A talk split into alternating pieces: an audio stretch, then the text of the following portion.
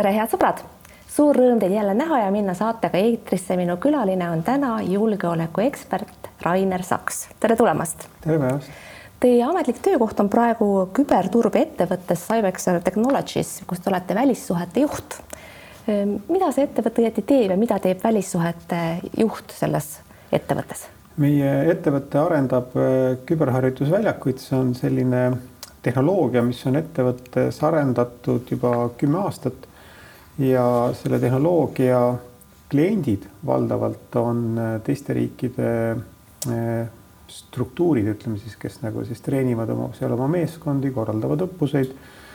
ja siis eks ma siis aitan neil neid praeguseid kliente kinnistada ja uusi otsida igapidi huvitav töö. loomulikult me hakkame rääkima Ukrainast, see on see teema, millega te käite läbi kõik stuudiod ja ja kindlasti kasutatakse teie kogemust sellel alal veel edaspidigi vägagi ohtralt.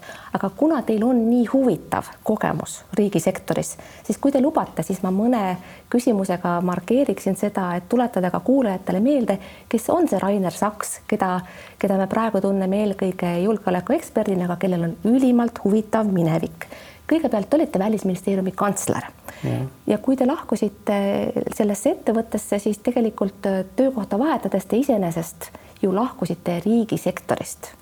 aga miks? sellepärast, et ma olin riigisektoris kakskümmend aastat töötanud ja, ja ütleme niimoodi, et äh, mulle tehti see erasektori pakkumine väga õigel ajal, kuskil pool aastat enne seda, kui mul see viieaastane tähtaeg välisministeeriumi kantslerina otsa lõppema hakkas ja siis ma mõtlesin mõned kuud ja leidsin, et no viimane aeg proovida, kas ma erasektorist tulen toime või ei tule. ja praegu ma ise arvan, et noh, ma läbi kukkunud ei ole, aga ma olen ikka rohkem veel õpipoisi rollis. Te olite kantsler päris mitme ministri ajal ja viimane välisministritest oli Urmas Reinsalu, see oli mäletatavasti üsna tähelepanuväärne etapp Eesti poliitikas, kus esimest korda siis kuulus valitsusse ka selline erakond nagu EKRE ja ütleme niimoodi, et see oli välispoliitiliselt habras aeg, sisepoliitiliselt nii või teisiti. missugusena teie seda aega mäletate? mulle tuleb meelde üks teie tsitaat, et et mitte ametnikud ei tee poliitikat, sealhulgas siis välispoliitika, vaid, vaid seda teevad alati ministrid ja poliitikud, valitsuserakonnad. mida te selle all õieti silmas pidasite ja kuidas te ennast tundsite sellel ajal, kui välispoliitika ikkagi päris oluliselt keeras hoopis mujale, kui ta seni meil oli olnud mm,? Keegi, ma ei mäleta, kes see poliitikast ütles, et valimistel on tulemused. see oli seesama Reinsalu jah, ja tegelikult niimoodi ongi, valimistel ongi tulemused ja peavadki olema, miks muidu, mis mõte nendel valimistel oleks? ja poliitikat ikkagi teevad need, kes on demokraatlikus riigis valitud poliitikat tegema, mitte ametnikud, kes on palgatud poliitikat ellu viima. aga loomulikult ametnikel on väga suur roll seal poliitika kujundamisel ja oma ettepanekute tegemisel ja nii-öelda sisendi andmisel. aga otsuseid teevad poliitikud ja seda ma olengi nagu silmas pidanud, et seda ei tohi ära unustada et äh, inimesed on hääletanud poliitikute poolt ja neil on õigus ja mandaat seda poliitikat teha, see on nagu see kõige üldisem põhimõte, aga kui tohib, siis ma ütleks niimoodi äh, selle üldise hinnanguna, et võrreldes praeguse ajaga oli tollal väga rahulik. Tõepoolest, alati oleneb, kelle, kelle või millega võrrelda, aga ikkagi vastamata jäi küsimuse see pool, kuidas te ennast selles olukorras tundsite? välispoliitika muutus, Eesti tõsiseltvõetavus välisareenil muutus päris paljud ametnikud on tunnistanud nii äh, on kui ka off record, et nad pidid välismaal äh, mõnikord vabandama, selgitama asju, mis varem olid ilmselged. kuidas teie ennast selles olukorras tundsite? jah, tegelikult ma nägin, noh, ütleme ka Urmas Reinsalu pidi, pidi natukene siin nagu mõningaid oma valitsuse liikmete väljaütlemisi, no mitte nagu vabandama otseselt, aga. no see aga, vabandamine oli rohkem Jüri Ratase töö peamiselt. rohkem peaminister tegi seda. aga eks seal tekkis sellest kindlasti mingisuguseid noh, mitte otseselt nagu suuri probleeme, aga kui sinu kohta öeldakse halvasti, siis kindlasti sa ei lähe nagu järgmisel päeval lilledega selle, selle inimese juurde, et et seal väga suuri pingeid sellepärast ei olnud, oli koroonakriis ja me lahendasime väga praktilisi ülesandeid siin teiste riikidega ja aga no tunda oli, et noh, kuskilt ikkagi nagu tuli natukene selgitada, et noh, tegemist ei ole nagu poliitika muutuse, vaid niisuguste emotsionaalsete väljaütlemistega, mis ei ole nagu, nagu mingisuguse, ei tasu võtta siis nagu selle sellisena, et nüüd hakatakse nagu suhteid riikide vahel ümber hindama. kui kujutada ette, et praegu oleks võimul seesama valitsus, kuidas me siis saaksime hakkama sellega, mis praegu toimub? Et kahjuks seda me ei saa mitte kunagi teada ja selle tõttu ma ei oska, ma üldiselt olen. rakendage oma kujutlusvõimet. ei, ma, ma ei tahaks nagu väga spekuleerida, seda ei ole võimalik tegelikult ette kujutada, sest äh, erinevates olukordades inimesed käituvad erinevalt ja me oleme näinud küll ja veel äh, ka selliseid poliitikuid, kes tulevad suure retoorikaga valitsusse ja pärast teevad hoopis midagi muud ja seda ma soovitan alati kõikidel inimestel, kes lähevad kandideerima valimistel ja tahavad minna valitsusse, tuleb meeles pidada seda, et et ei saa valida poliitik seda, mida ta teeb, vaid on terve rida asju, mida tuleb teha nii või naa ja eriti kriise hallata tuleb ka siis, kui see ei meeldi. arusaadav Te olete olnud ka president Ilvese kantselei direktor ja võib-olla vähesed mäletavad, et Ilves sai presidendiks tegelikult mõõdukatest ehk siis tänastest sotsiaaldemokraatide erakonda kuuludes seda esindades. ja mulle tuleb sellega seoses meelde, et ka teie ise olete kandideerinud mõõdukate nimekirjas, see oli siis Pärnu linnavolikogu valimistel. Volikokku te vist ei saanud. kas, kas kas teil hiljem ei ole tekkinud endal kiusatust äh, poliitikasse siseneda? ei ole, äh, see oli, see oli tõesti see aeg, kui ma olin Välisministeeriumis ministri nõunik, olin ma selle erakonna liige ja siis oli selline kokkulepe, et, äh, et kõik oma kodukohas kandideerivad ja, ja tõepoolest, ega ma kampaaniat ei teinud või noh, selles mõttes ma ei osalenud nagu aktiivselt kampaanias, kui ma ei mäleta, mingi paarkümmend häält lihtsalt oli siis nii-öelda selle erakonna kasuks, kes seal.... suurt rohkem tõesti ei olnud jah? jah aga ma tegelikult ei osalenud selles kampaanias aktiivselt ja tegin oma tööd igapäevaselt äh, Välisministeeriumis poliitilise nõunikuna ministri juures. aga ma lahkusin erakonnast kaks tuhat üks, kui ma asusin tööle Riigikantseleisse ja seda seadus nõudis, ma ei läinud sellepärast ära, et ma oleks nüüd pettunud, vaid lihtsalt seadus ütles, et need julgeoleku äh, teemadel töötavad ametnikud ei, ei tohi kuuluda erakonda ja, ja siis ma ka erakonnast lahkusin, kui ma hakkasin tööle koordinatsiooni direktorina ja peale seda mul nagu ei ole kordagi tekkinud soovi kuidagimoodi poliitikasse siseneda. Seesama koordinatsioonidirektor on ametikoht, mida vanasti nimetati luurekoordinaatoriks. mäletatavasti saite teie selle koha pärast Eerik-Niiles Krossi, kelle ajal ainult luurekoordinaatorist räägitigi. ja noh, võib-olla kõik kuulajad ei mäleta, aga minul on väga hästi meeles, kuidas Kross tõi näiteks sellise lurjuse nagu Angotti siiamaale, kes tahtis Eesti Raudteed erastada ja noh, oli seal teisigi väga selliseid spetsiifilisi sündmusi teie ametiajast ma midagi säärast ei mäleta ja teie ametiajal sellest ametikohast ka üldse enam ei räägita. mis see põhiline tegevus siis seal oli? tegelikult on seal üks väga suur ja oluline töö, mida tuleb teha, ütleme siis õigemini see on kaks poolt selles töös, üks on see, et sa pead olema valitsuse ja eriti peaministri julgeolekunõunik. ja teine pool on see, et kui mina läksin tööle, ma saan aru, et Mart Laar tegelikult päris tükk aega mõtles, keda sinna kutsuda siis ta kuidagimoodi lõpuks otsustas minu kasuks. Mart Laar oli siis peaminister, mm, siis äh, tol ajal oli just vastu võetud Riigikogu poolt esimene julgeolekuasutuste seadus. Äh, enne seda julgeolekuasutused tegi, tegi, tegutsesid kas mingite eriseaduste või, või üldse nagu mingite väga õhuksel juriidilisel pinnal. ja me hakkasime lihtsalt rakendama seda seadust ja selle seaduse järgi tuli valitsuse juurde moodustada julgeolekukomisjon ja selle komisjoni käivitamisega ma tegelesingi päris mitu aastat, kohe peale seda, kui ma ametisse asusin, paar-kolm nädalat hiljem äh, juhtus see kaksiktornide rünnak New Yorgis. Või New Yorgis ja, ja siis Pentagoni ründamine Washingtonis, äh, terrorirünnakud ja, ja siis olid käed-jalad olid niimoodi tööd täis, et, äh, et tegelikult see peaaegu viis aastat, mis ma seal olin, möödus väga-väga kiiresti nüüd me jõuame kõige huvitavama kohani. Te olite Teabeameti peadirektor. teabeamet oli sellel ajal nii salastatud asutus, et ega peale ajakirjanike suurt keegi ei teadnudki, kes seda juhib ja selle juhi pilte ei avaldatud sugugi mitte iga päev ajakirjanduses nagu praegu näiteks Mikk Marrani omi. ühesõnaga, see oli erakordselt selline vaikselt tegutsev asutus. praegu siis räägime Välisluureametist sellel, sellel kohal mm miks see salaja, miks see Teabeamet tol korral nii salajane oli, et tal ei olnud vist isegi õieti kodulehte vähemasti? ei olnud jah et miks see niimoodi käis? koduleht oli, aga see oli staatiline selline noh, poster nagu põhimõtteliselt ja. Äh, veebis. ja noh, teie nime siis tegelikult ju avalikult ei, seda ei nimetatud kuigi sageli. jah, aga ma siiski ütlen, et ma mõned intervjuud juba toona andsin ka äh, selles ametis äh,.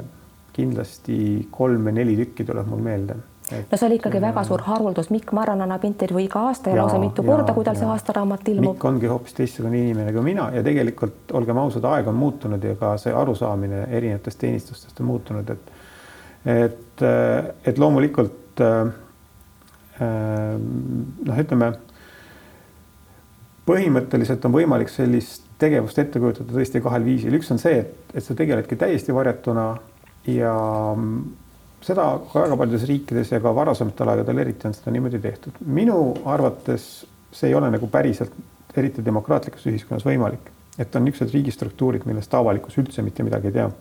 Teie aegse teabeametiga see täpselt nii oli? jah, ja, ja, ja selles mõttes me üritasime seda muuta eh, ka pöörded ei tule seal kunagi liiga järsult välja, aga Mikk on seda väga tublisti edasi viinud ja ma arvan, ta on sellega väga hästi hakkama saanud. minule see igatahes meeldib, see, see kuvand, mis on sellest Välisluureametist praegu nagu avalikkusel olemas kui ma meenutasin koos kolleegidega tollast Teabeametit, siis äh, nii mõnigi ütles, et teate, et tollane Teabeamet oli selline imelik asutus, et et ega nad seal suurt muud ei teinud, kui lugesid ajalehti ja panid selle põhjal raporteid kokku. no ma ei tea, kas see nii oli, aga siis võib-olla selle põhjal võis küsida, et mis teie lemmikajaleht oli ja kus, mis kõige paremini siis kajastas neid teemasid, mis teid huvitasid. selline klišee tõesti levis ja loomulikult Eks see ei vasta ole. tõele ja, ja see oli ka äh, üks põhjus, miks, äh, miks me hakkasime siis nii-öelda ennast nagu vaikselt avama aga tegelikult ei ole see ühe sellise asutuse jaoks üldse lihtne protsess ja, ja noh, Mikk oli sel ajal oli, oli kaitseministeeriumi kantsler, noh, mõnes mõttes siis nagu minu vahetu ülemus. me neid diskussioone pidasime ja nüüd mõned projektid, mida ta nüüd on ise pidanud teostama ikkagi sai enne välja mõeldud, lihtsalt see minu ametiaeg lõppes enne otsa, et mind kutsuti tööle välisministeeriumisse pisut enne selle tähtaja lõppu. ja siis ma, ma otsustasin minna.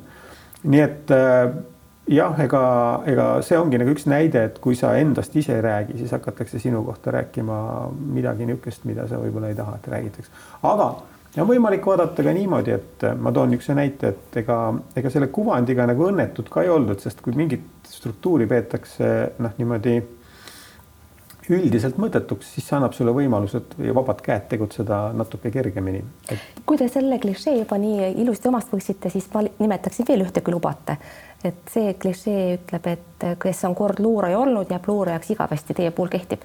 ei kehti, sellepärast et äh, ma olen sealt väga palju õppinud ja see on tegelikult äh, väga huvitav töö, mida oli võimalik teha, isegi mitte nagu selle noh, ütleme luuretöö kohta üks minu väga hea sõber, kes on tõesti eluaegne luuraja ütles, et luuretöö on bürokraatia ja, ja tõepoolest, et kuna luure on saanud valitsuselt teatud volitused äh, toimetada, siis, siis on ju alati see hirm, et kasutatakse neid äh, volitusi kurjasti. Ja usalduskrediit valitsuse poolt, mis on sulle antud, seda tuleb hoida ja see on, see on tegelikult kõige suurem väärtus, mis sellel ametil on. Ja selle tõttu see, see kontrollimine ja, ja pidev kõige üleskirjutamine, dokumenteerimine võtab inimestesse tohutult palju aega, nii et selles mõttes see töö on kurnav, ma ütleks isegi, aga ta on teistpidi huvitav sellepärast, et sul on võimalik äh, mängida nagu koos mingite inimestega, kellega, kes on teevad maailma nagu tippotsuseid mõnes mõttes. härra Saks, ma olen väga tänulik teile, et olite nõus seda tausta avama, sest mul on tunne, et see on teatav lünk, mille me praegu täitsime.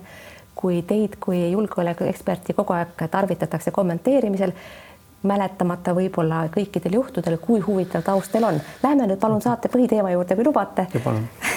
tahaksime rääkida loomulikult Ukrainast, mille kohta on kõlanud väga paljudest suudest, et lähinädalad on otsustavad.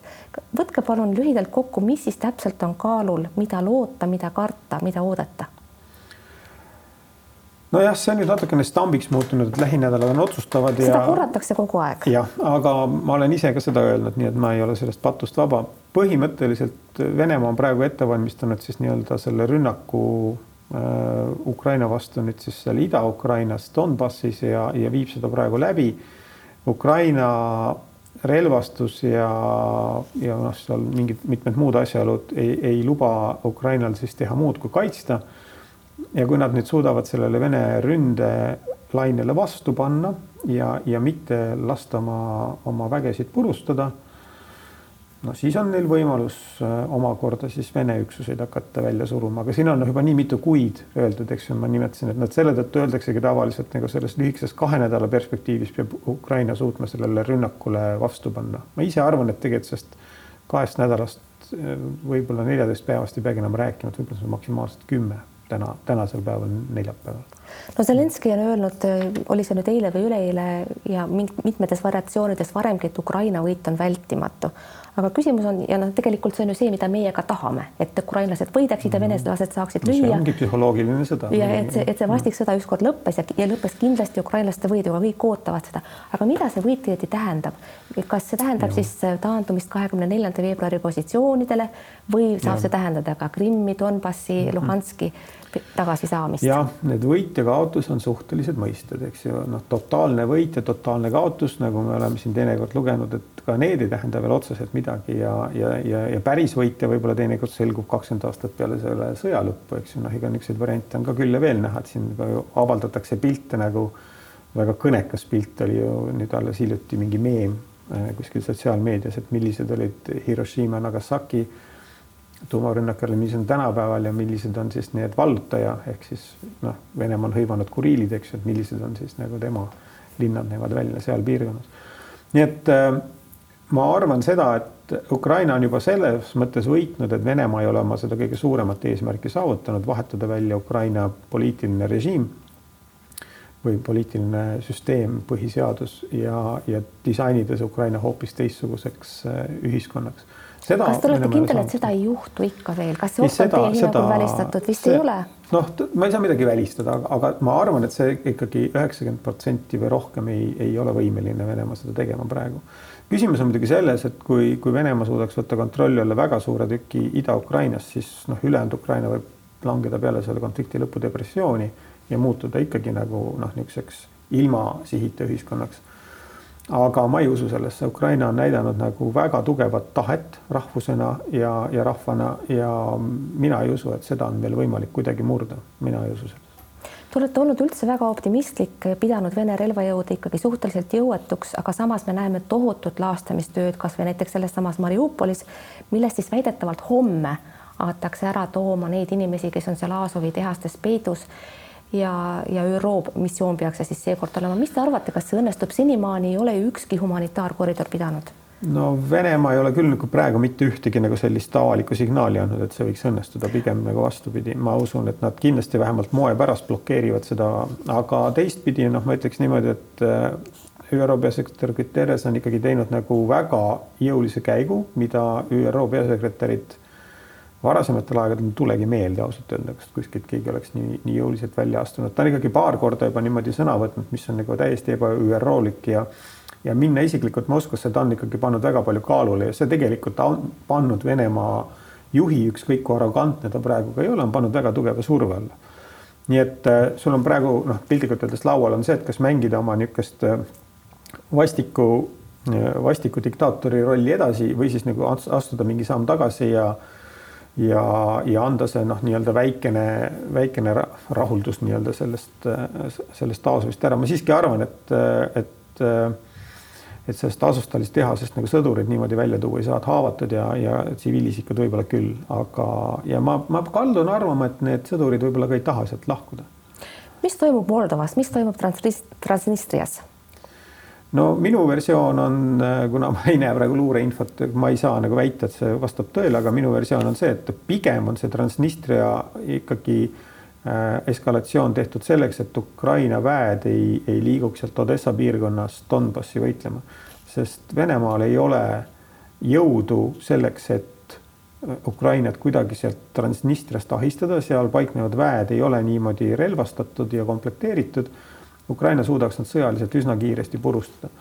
aga Moldova puhul muidugi need arvamused on nagu vastukäivad, aga ma ei näe nagu loogikat, miks peaks Venemaa praegu seda konfliktiskoopi laiendama, kui ta on nagu fokusseerinud sellele, et saavutada edu Donbassis, omamata nagu väga korralikke vägesid selles piirkonnas. ka isegi see Moldova ärritamine praegu võib viia nagu niisugusele häbiväärsele lüüasaamisele seal kuidas hinnata neid plahvatusi Venemaa territooriumil Ukraina piiri lähedal, Belgorodist ma räägin eelkõige no Venemaal ei ole põhjust nagu nuriseda, nad läksid sõjaga kallale Ukrainale ja, ja sellel on tagajärjed. Ja, ja need tagajärjed tulevad noh, nii või naa, paratamatult. Sellega oleks pidanud arvestama räägime natukene lääneriikide rollist, väga palju on kritiseeritud sakslasi ja minu meelest täiesti õige asja eest, aga mina olen korduvalt juukseid kitkunud, kui ma kuulan, mida, mismoodi see Scholz räägib, pingerdab, susserdab ja musserdab. nüüd praegu väidetavasti on sakslased siiski hakanud oma suurt laeva pöörama ja on arusaadav, et see ei toimu võib-olla päevapealt. aga ikkagi, kas, kas teie hinnangul sakslased saavad asjadest adekvaatselt aru? kogu aeg on häda, ei saa relvi saata, mitte midagi ei saa, endalgi ei jätku, aga no andke andeks see ei veena ju. vot siin on nüüd nagu kaks dimensiooni, et üks on see, et mis on Saksamaa nii-öelda poliitika äh, ja see on muutunud, selles ei ole põhjust kahelda ja teiseks no ma ikkagi juhiks tähelepanu ka sellele, et et lisaks nüüd otseselt relvadele on Saksamaal väga suur roll toetada ka Ukrainat rahaliselt, sest sõda vajab nagu väga palju ressursse väga mitmes plaanis. Ukraina majandus on ikkagi sisuliselt noh, mitte hävinud, aga ta, ta ei, ta ei suuda nagu seda sõda ülal pidada ise. Selles on Saksamaa roll kindlasti väga suur. See, milles on Saksamaa täiesti ebaõnnestunud, on kommunikatsioonis, et eelkõige selle, see on nüüd küll täiesti läbikukkumine, seda mina, seda sõna ma siinkohal kasutaksin teie, täie selle sõna mõttes. ja, ja, ja see kindlasti on andnud Venemaale noh, ma ei, ma ei taha öelda tindu, aga, aga see kindlasti on motiveerinud Venemaad seda sõda jätkama ja ega see ebaõnnestunud kommunikatsiooni me näeme lääne pool nagu üldisemalt ka, aga noh, Saksamaa oma tuleb eriti reljeefselt esile ja see on kahetsusväärne. no tõepoolest neid nagu enam üldse ei saa usaldada, aga vaatame korra prantslaste poole, okei okay,, Macronil olid valimisi ja enne valimisi räägitakse lollusi ju paljude, paljudel, paljudel mm. poliitikute suust kostab seda. nüüd on valimised läbi, aga ikkagi Macron oli see, kes püüdis kogu aeg Putiniga rääkida ja, ja, ja küllap ta püüab seda edaspidigi, aga sõda ära hoida ta ei suutnud ja teie olete öelnud, et Putiniga peab rääkima. samas seesama Macroni näide tõendab, et räägi või ära räägi, vahet pole.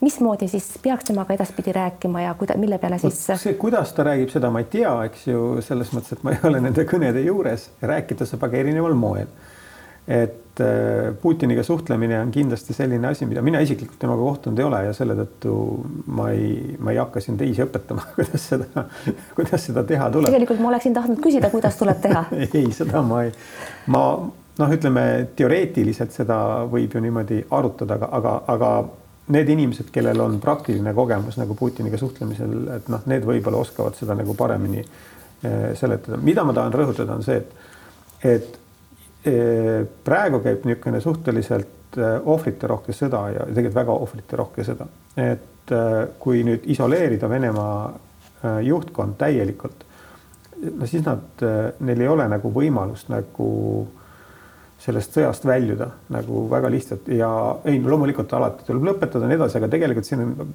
üks pragmaatiline moment on see, et, et juhul kui on suhelda nendega niimoodi on võimalik anda ka edasi mingisugust nagu sellist sõnumit, mis võib neid mõjutada, teatud asju nagu ümber vaatama. kui see kanal kinni panna, siis nad jäävad omaette. ja praegu on ka põhjust arvata, et ega neil seda infot, mis tegelikult mujal toimub, nagu väga selgelt käes ei ole, et seal on niisugused filtrid vahel ja, ja niisugune soovmõtlemine, et juba ainuüksi selle pealt võidakse teha liiga valesid otsuseid. ja kui kaks poolt suhtlevad ainult äh, meedia vahendusel, siis see, see kommunika-, no ütleme, meedia, meedias nagunii esitatakse oma sõnumeid, eks hästi kontsentreeritult ja, ja tihtipeale on seal nüansse vähe. Et äh, ja see võib kujuneda ohtlikuks nagu lõpuks isegi nagu selline ainult meedia vahendusel suhtlemine. nii et selles mõttes ma olen öelnud, et et kui keegi lääne liidritest on nagu selles rollis, et tal on nagu see kanal suhtlemiseks lahti, siis seda tegelikult võib hoida, sest teistel minu arust niisugust pidevat ei ole, ka sakslastel mitte arusaadav, te olete öelnud, et kui ükskord inimelude hind arvudes hakkab Venemaal päriselt pärale jõudma, siis see muudab midagi Vene ühiskonnas. Ja, ja see tegelikult äh, viitab ka nendele juttudele, et kui äh, kui lõpuks üldse mingisugused infokana, info, info hakkab sellisel kujul jõudma Venemaale, nagu meie seda tunneme, et see võiks midagi muuta, viia revolutsioonini või siis ka näiteks Putini ametist kõrvaldamiseni. aga kas ei ole natukene ikkagi naiivne lootus, et see üldsegi juhtub, kas siis see viidatud revolutsioon või siis ka Putini ametist kõrvaldamine, et see on see midagi, mida läänes oodatakse justkui teoseks mahinat, aga kas see natuke infantiilne ei ole? noh, ütleme seda ei saa väita, et see nii juhtub tõesti ja, ja ei ole põhjust seda oodata, sellega ei tasu arvestada, tuleb arvestada sellega, et et Venemaa on selline, nagu ta on praegu, nagu ta välja paistab ja nagu ta tegutseb ja tuleb arvestada sellega, et noh, isegi kui kui praeguse juhi amet saab otsa ühel päeval, ega see ei tähenda, et Venemaa selle tõttu süsteem muutub, et võib tulla hullem ka. seda on ka võimalik täiesti vabalt ette kujutada ja väga tihti on ka niimoodi juhtunud. nii et mina nagu selles mõttes optimistlik ei ole, et see Venemaa kui selline muutub teistsuguseks ja, ja selle tõttu nagu kaovad need probleemid ära. ei, nende probleemidega tuleb tegeleda ja tuleb valmistuda nüüd sellele, et see sõda lõpetada ikkagi võimalikult kiiresti ja et Ukraina peab sellest tulema välja nagu siis äh, mitte noh, võitjana selles mõttes, vaid sellisena, et Ukraina ei ole kaotaja kindlasti. ja edasi tuleb üles ehitada selline heidutus, et see ei korduks. No, üks osa sellest kõigest, kogu sellest probleemist on ka energiasõltuvuse vähendamine Venemaast ja. ja ma vaatasin, et Euroopa Liidu üks volinikest, Euroopa Komisjoni majandusvolinik on hiljaaegu välja öelnud, et et alles tuhande kahe tuhande kahekümne seitsmendaks aastaks võiks see juhtuda. no see on täiesti tule taevas appi, see on kuul pähe. selle ajaga jõuab Venemaa teha veel ükskõik mida, et mis nagu toimub ei no selles mõttes muidugi Venemaa kahjud on juba väga suured, et ma juhin ka tähelepanu, et ega see raha, mida energia müügist, energiakandjate müügist saadakse, tegelikult ei lähe ainult sõjapidamiseks, vaid ka nagu riigi ülalpidamiseks, sest Venemaal nagu muid sissetulekuallikaid nagu on väga vähe. et peale, peale nafta, maagaasi on ka veel mõned maavarad, eks ju, mida müüakse, mõned noh, okei okay,, on terase müük ja, ja natukene olulised, olulisemad asjad on veel ka toiduainete ja teatud noh, teravilja ja nagu edasimüük. aga äh, sõjatööstus näiteks on üks asi, mis Venemaal tõenäoliselt jääb seisma väga mõneks ajaks. selle käigus hoidmine väga raske ja ma lihtsalt nagu arvan, et see energiat ei tohi vaadata nagu ühe nagu sellise äh, ainukese faktorina, mis nagu muudab Venemaa tulevikku, kuid mida kiiremini Euroopa Liit sellest sõltuvusest vabaneb, seda parem Euroopale eelkõige, sest noh, hüpoteetiliselt on võimalik neid energiakandjaid ka mujale hakata müüma, ega see ei ole nüüd, Euroopa ei ole, ei ole ainuke ostja, tegelikult kui päris aus olla, siis Venemaa on olnud häiritud sellest, et ka nemad on olnud sõltuvuses nagu Euroopasse sellest energiamüügist et nad tahaksid, et nende see portfell oleks palju mitmekesisem ja et neil oleks rohkem kliente. nii et selles mõttes peab Euroopa natukene strateegilisemalt tegutsema. et emotsioonid on praegu tõesti sellised, et, et tahaks nagu päevapealt kõik ära lõpetada, aga noh, ma arvan, et, et noh, selline väike üleminekuaeg ei ole võib-olla halb. aga ma rõhutan veel kord, et, et seda on kõike võimalik teha ka niimoodi, et mitte esitledes seda kui oma nõrkust, vaid tuleb teha asju niimoodi, et need, me oskame öelda, mis on meie eesmärgid, mida me tahame saavutada ja, ja mis me selleks teeme härra Saks, viimane küsimus, kuigi taha, kõnelda tahaks iseenesest ju veel paljust, ikkagi see tuumarelvadega ähvardamine, see on see, mis paljudel inimestel magada ei lase ja iseenesest tuumanupud on ju olemas, tuumarelvad on olemas nii Venemaal kui ka paljudel teistel riikidel. kui tõenäoline see oht on ikkagi, et keegi seda tuumanuppu vajutab?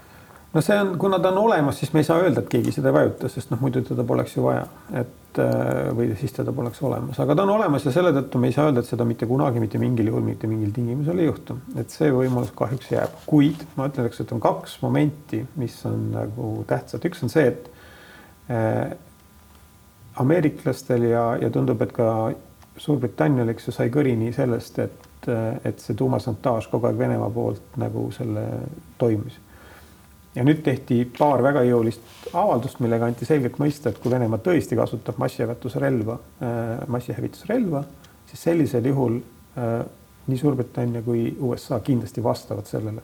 Nad ei öelnud, mida nad täpselt teevad, aga sellest, sellest sõnumist tegelikult ma arvan, Venemaal saadakse ühemõtteliselt aru, et nad riskivad tõepoolest siis nagu globaalse tuumakonfliktiga. ja peale seda ma ei ole näinud, et Venemaa nagu väga oleks nagu selle teemaga niimoodi žonglöörinud aga mis on kindel, on see, et kui Venemaa peaks nüüd selles sõjas alla jääma nagu väga selgelt, nii eriti just nagu kuvandi mõttes. võimalus, millele te olete kogu aeg viidanud. siis kindlasti see šantaaž tuleb veel kord tagasi. aga ma pigem arvan, et eh, vaat tuumarelval on üks niisugune eripära, et ta on nagu kaitserelv, ta ei ole ründerelv ja, ja teda ei saa kasutada noh, nii-öelda territooriumi hõivamiseks ja, ja millekski sääraseks. et iseenesest sellel kasutusel puudub igasugune väärtus ja selle tõttu ta jääb, ma arvan, šantaažiks. ma pigem oleksin nagu mures nagu sellepärast, et, et on praegu veel vähemalt üks tuumaelektrijaam Ukrainas on Venemaa kontrolli all. et noh, seal võib korraldada mingisuguseid niisuguseid eh, sigadusi, mis on tegelikult palju suurem tõenäosus kui tuumarelva kasutamine. arusaadav, Rainer Sakmas, ma tänan teid südamest selle intervjuu eest, aitäh, et tulite stuudiosse, head sõbrad, aitäh, et te vaatasite. Vaadake järgmist saadet ikka jälle, see on järgmisel nädalal, vahepeal olge terved, kuulmiseni, nägemiseni, kõike head. kõike head